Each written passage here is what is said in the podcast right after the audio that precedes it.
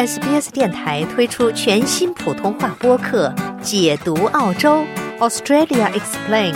在这里，你可以轻松欢快的了解有关澳洲的有趣知识。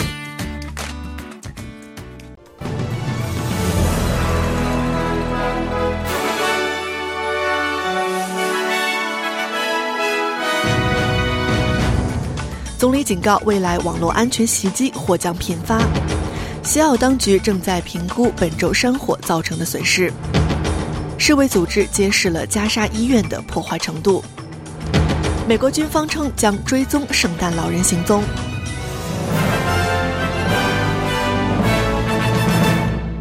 以下是新闻的详细内容。总理阿尔巴尼斯表示，联邦政府将继续投资以应对持续不断的网络攻击威胁。本周四，也就是十二月二十一日，全国最大的非营利性医疗和养老服务提供商圣文森特医院遭到了黑客的网络入侵。这是包括 Optus、Medibank 和 Latitude 等知名公司在内的一系列网络攻击中的最新一起。阿尔巴尼斯说。随着人们找到更多的方法来应对这些攻击，黑客也会找到更多更复杂的方法来获取私人数据。Cybersecurity is a major issue. Uh, the government has responded with uh, having a, a cybersecurity minister. 网络安全是一个重大问题，政府已经采取了应对措施，任命了网络安全部长，制定了网络安全战略。我们最近也宣布了这一战略。但是我们已经并且正在做的是，所有的预测都表明网络安全威胁会增加。这就是为什么我们的政府如此重视这些问题。本周四。西澳洲部分地区发生火灾，当地社区正在评估火灾造成的损失。周五早些时候，珀斯北部的兰斯林、图迪耶以及南部的伊顿和曼吉穆普的山火被降级。昨天，当局升级了对凯斯布鲁克火灾的预警。他们还证实，位于珀斯丘陵地带的帕克维尔地区有三座房屋被毁。帕克维尔居民穆迪说：“这场大火毁掉了本该欢乐的节日。” Today would have been my last day at work, and we'd be getting ready to have our big Christmas family dinner, which we were all hosting here, with all the presents that have now. 今天本来是我上班的最后一天，我们正在举办盛大的家庭晚宴，我们都是在这里举办的。所有的礼物现在都化为灰烬了。我们本来应该准备好迎来一场盛大的泳池派对，但这再也不会发生了。昆士兰警方表示，他们已经缩小了对一名在飓风 Jasper 引发的洪水中失踪的85岁老人的搜索范围。据当局表示，这名男子位于昆士兰州最北部的家被洪水冲毁。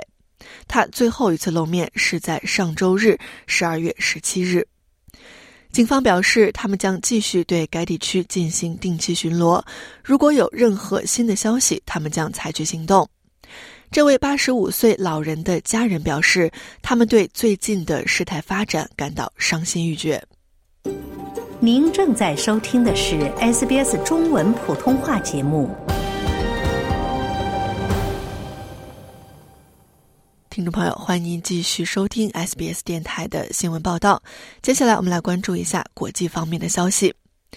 世界卫生组织 （WHO） 公布了加沙最大的医院西法医院内的录像，揭示了医院被破坏的程度。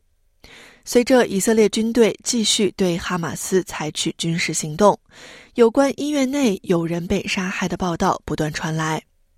据当地卫生当局表示，自十月七日的致命袭击发生以来，加沙已有两万多名巴勒斯坦人丧生，其中约百分之七十是妇女和儿童。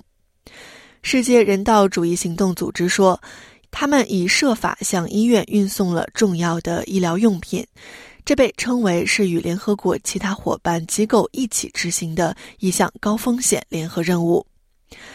WHO 紧急医疗队协调员凯西说：“虽然人道主义组织已经运来了更多的物资，但如果没有燃料，即使运来医疗设备和工作人员也无济于事。Until we can get fuel here, bringing a team of surgeons, surgical equipment is going to do very little. Mostly what they're doing here is trauma stabilization, providing some. 在我们能够获得燃料之前，带一队外科医生和手术设备来也无济于事。他们在这里主要做的是包扎伤口，提供一些疼痛治疗和伤口护理。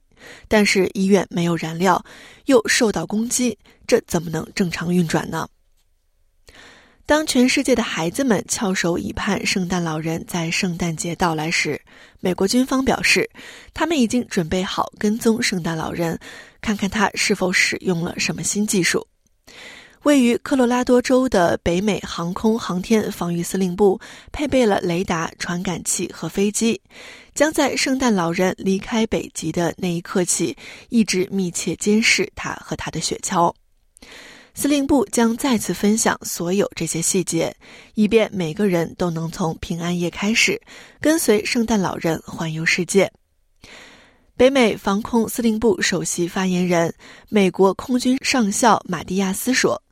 军方将使用他们每天用来确保北美安全的相同技术来跟踪圣诞老人。So NORAD has 68 years experience tracking Santa, and I will tell you, Santa doesn't file a flight plan with NORAD, but the great part is that we NORAD are able. 北美防空司令部拥有六十八年追踪圣诞老人的经验。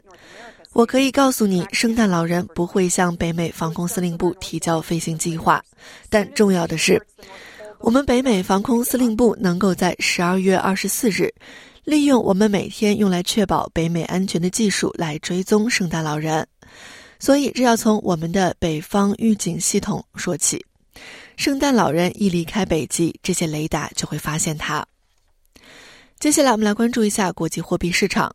截止到澳大利亚东部夏令时早上的六点五十五分，在国际货币市场上，一澳元可以兑换。零点六七九美元，四点八四六元人民币，五点三零七元港币，以及二十一点一四四元新台币。在今天新闻节目的最后，我们再来关注一下全国各主要城市今天的天气情况。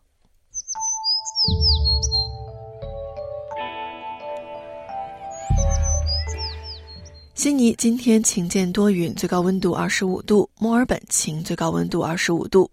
布里斯班有阵雨，最高温度二十九度；堪培拉有阵雨，最高温度二十五度；阿德莱德多云，最高温度二十七度；珀斯晴，最高温度三十四度；达尔文有暴雨，最高温度三十五度；霍巴特多云，最高温度二十度。听众朋友，以上新闻是由我为大家编译和播报的，感谢您的收听。